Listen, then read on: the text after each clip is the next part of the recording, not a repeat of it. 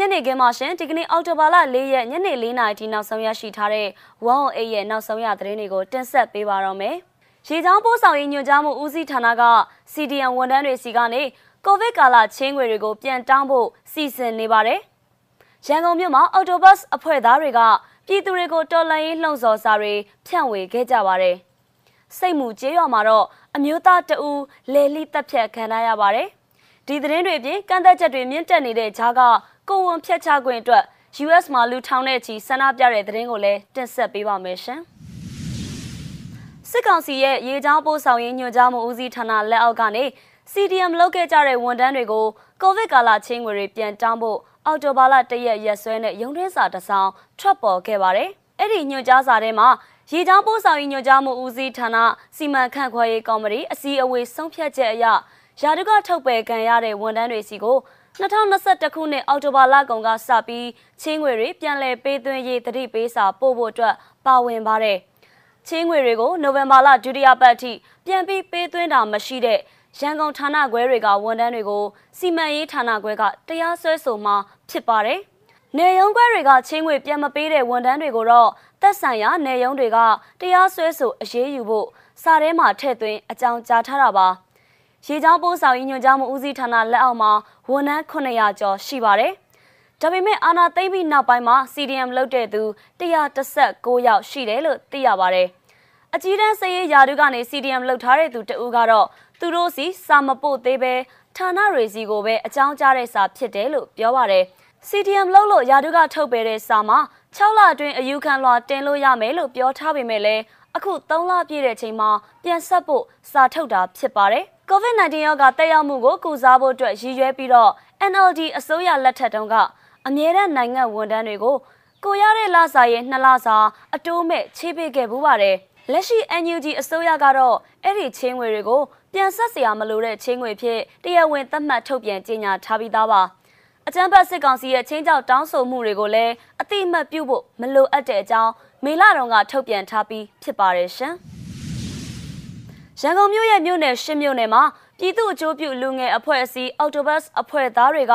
မြို့ကန်တွေစီကိုတော်လှန်ရေးနဲ့ပတ်သက်ပြီးလှုံ့ဆော်ပေးတဲ့စာတွေဖြန့်ကျဲခဲ့ကြပါတယ်။အဲ့ဒီစာထဲမှာရေးသားထားတာကတော့ခုခံတော်လှန်တိုက်ပွဲတွေလည်းတိုက်ခိုက်နေကြမယ်။လူလူတပိတ်တိုက်ပွဲတွေလည်းလှုပ်ရှားနေကြမယ်။ပြည်သူစစ်သားရဲတွေအလင်းဝင်နေကြမယ်။အကြမ်းမဖက်အာဏာဖီဆန်ရေးတိုက်ပွဲတွေနဲ့လည်းတောင့်ခံထားကြမယ်။ စစ်ကောင်စီနဲ့ဆက်ဆက်တဲ့စီးပွားရေးထုတ်ကုန်တွေလည်းဆက်လက်တပိတ်မှောက်တိုက်ပွဲဝင်နေကြမယ်။အဲ့လိုနေရာဆောင်ဘက်ပေါင်းဆောင်ကနေနီလန့်မျိုးစုံနဲ့ဆက်လက်တိုက်ပွဲဝင်နေမယ်ဆိုရင်အကြမ်းဖက်စစ်ကောင်စီအနေနဲ့လုံးဝအုပ်ချုပ်ခွင့်မရမှာဖြစ်ပါတယ်။တော်လန်ရေးမုတ်ချအောင်မြင်ရမည်လို့ရေးထားတဲ့စာတွေကိုဖြန့်ဝေခဲ့တာပါ။ရန်ကုန်ပါဝင်မြို့တော်တော်များများမှာလည်းပျောက်ကြားသပိတ်တွေအပြင်မြောက်လှုပ်ရှားမှုတွေလည်းအရှိန်အဟုန်နဲ့လှုပ်ဆောင်နေကြပါတယ်ရှင်။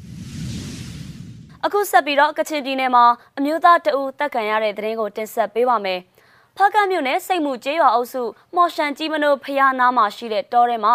လူငယ်တအုပ်သေဆုံးနေတာကိုမနေ့ကနေ့လယ်2နာရီလောက်ကတွေ့ခဲ့တဲ့အကြောင်း The 74 Media ရဲ့သတင်းမှာဖော်ပြထားပါတယ်။သေဆုံးသူအမျိုးသားကိုလက်ပြန်ကျိုးတုပ်ထားပြီးလယ်ဘင်းမှာလည်းဓာတ်တံရနဲ့သေဆုံးနေတာပါ။အဲ့ဒီအမျိုးသားကိုတောထဲမှာမြစ်သွားချိုးတဲ့သူကအရင်တွေ့တာလို့သိရပါတယ်။ တေဆုံးသူမျိုးသားကဘယ်သူဘယ်ဝါဖြစ်တယ်ဆိုတာကိုတော့မသိရသေးသလိုတတ်တဲ့သူကိုလည်းမသိသေးပါဘူး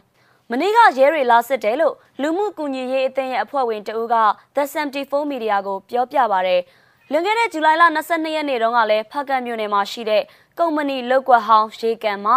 မုံထွေနော်ဆိုတဲ့သူကိုပျောက်ဆုံးပြီးလေးရက်မြောက်တဲ့နေ့မှပြန်တွေ့ခဲ့ပါတယ်သူ့ရဲ့ခြေနဲ့လက်ကိုကြိုးချီထားပြီးသေဆုံးတဲ့အနေအထားနဲ့ရှာတွေ့ခဲ့တာဖြစ်ပါတယ်ရှင်။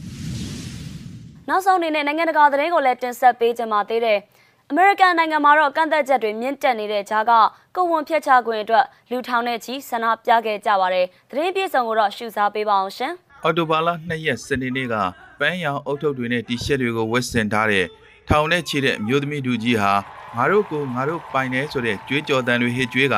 အမေရိကန်ပြည်ထောင်စုရဲ့လမ်းမတွေပေါ်ကိုထွက်လာပြီးကိုဝင်ဖျက်ချခွင့်ကိုကန့်သက်တဲ့ရှေးဦးဆွဲဖိအားပေးမှုကို နိုင်ငံနဲ့တဝန်တုံ့ပြန်ဆန္ဒပြခဲ့ကြပါတယ်။ဝါရှင်တန်မှာတော့အဆိုပါအငင်းပွားဝယ်ကိစ္စအတွက်အဆုံးအဖြတ်ပေးမဲ့အမေရိကန်တရားရုံးချုပ်စီကိုခြေတက်ဆန္ဒပြဖို့အတွက်ဆန္ဒပြသူတထောင်နီးပါးဟာအင်ဘီရိုရှိကရင်ပြင်မှာစုယုံခဲ့ကြပါတယ်။မနေ့ကကွယ်လွန်ခဲ့တဲ့ထင်ရှားတဲ့အမျိုးသမီးအခွင့်အရေးတက်ကြွလှုပ်ရှားသူတရားရုံးချုပ်တရားသူကြီးဟောင်း Ruthback Gardenback လိုမျိုး ဝစ်စုံတွေဝစ်ဆင်ထားတဲ့အမျိုးသားအမျိုးသမီးဆန္ဒပြသူများစွာဟာမင်းရဲ့တအိမ်ကိုအလေးထားကိုဝင်ဖျက်ချတာတရားဝင်တယ်ဆိုတဲ့စိုင်းဘုတ်တွေကိုကင်ဆောင်ချီတက်ခဲ့ကြပါတယ်။ American ရဲ့လှုပ်ထုံးလုံနည်းများအပေါ်ကာလာတာရှိတိုက်ပွဲတွေဟာ Texas ပြည်နယ်မှာကိုဝင်ဖျက်ချခွင့်တားမြစ်တဲ့ဥပဒေကိုအတီးပြုတ်ပြဋ္ဌာန်းလိုက်တဲ့စက်တင်ဘာလ၁ရက်နေ့နောက်ပိုင်းပုံမပြင်းထန်လာခဲ့ပါတယ်။တရားရုံးချုပ်ကဆုံးဖြတ်ချက်မချမီ နှစ်ရက်အလိုမှာအခုလို American ရဲ့ယာနဲ့ချီတဲ့မြို့ကြီးတွေမှာဆန္ဒပြမှုတွေဖြစ်ပွားလာခဲ့တာဖြစ်ပါတယ်။မြို့သမီးတွေဟာ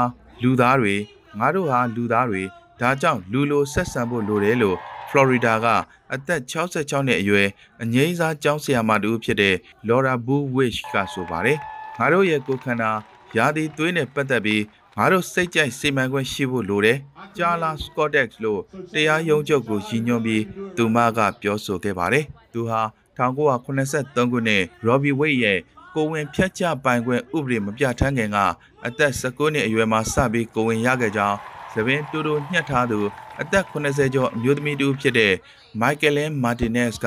AFP ကိုပြောပြပါတယ်။ Martinez ကနှစ်နှစ်အကြာမှာအိမ်အောင်ပြက်နဲ့သမီးတစ်ယောက်အဖက်တင်နေခဲ့ပြီး ကိုဝင်ဖြတ်ချခွင့်မရခဲ့တာကြောင့်သူ့ဘဝတစ်ခုလုံးပြောင်းလဲသွားခဲ့ရတယ်ဆိုပြီးသူငယ်ငယ်တုန်းကခင်မျိုးကိုပြန်မသွားခြင်းကြောင်းသူမကဆိုပါတယ်။တရားလွတ်တော်ချုပ်ရှေ့မှာတော့ဇန္နပြသူတွေဟာတံပြန်ဆန္ဒပြသူတွေနဲ့ထိတ်တိုက်တွေ့ခဲ့ပြီးအထက်ကရုံးနှိမ်နှင်းရေးရဲတပ်ဖွဲ့ကအဖွဲ့နှစ်ဖွဲ့ကိုခွဲထားပေးရပါတယ်။ဒီကနေ့အော်တိုဘာလ၄ရက်ညနေ၄နာရီထိနောက်ဆုံးရရှိထားတဲ့108သတင်းတွေကိုတင်ဆက်ပေးခဲ့တာပါ။စောင့်မျှော်နားဆင်ပေးခဲ့ကြတဲ့အတွက်ကျေးဇူးတင်ပါတယ်ရှင်။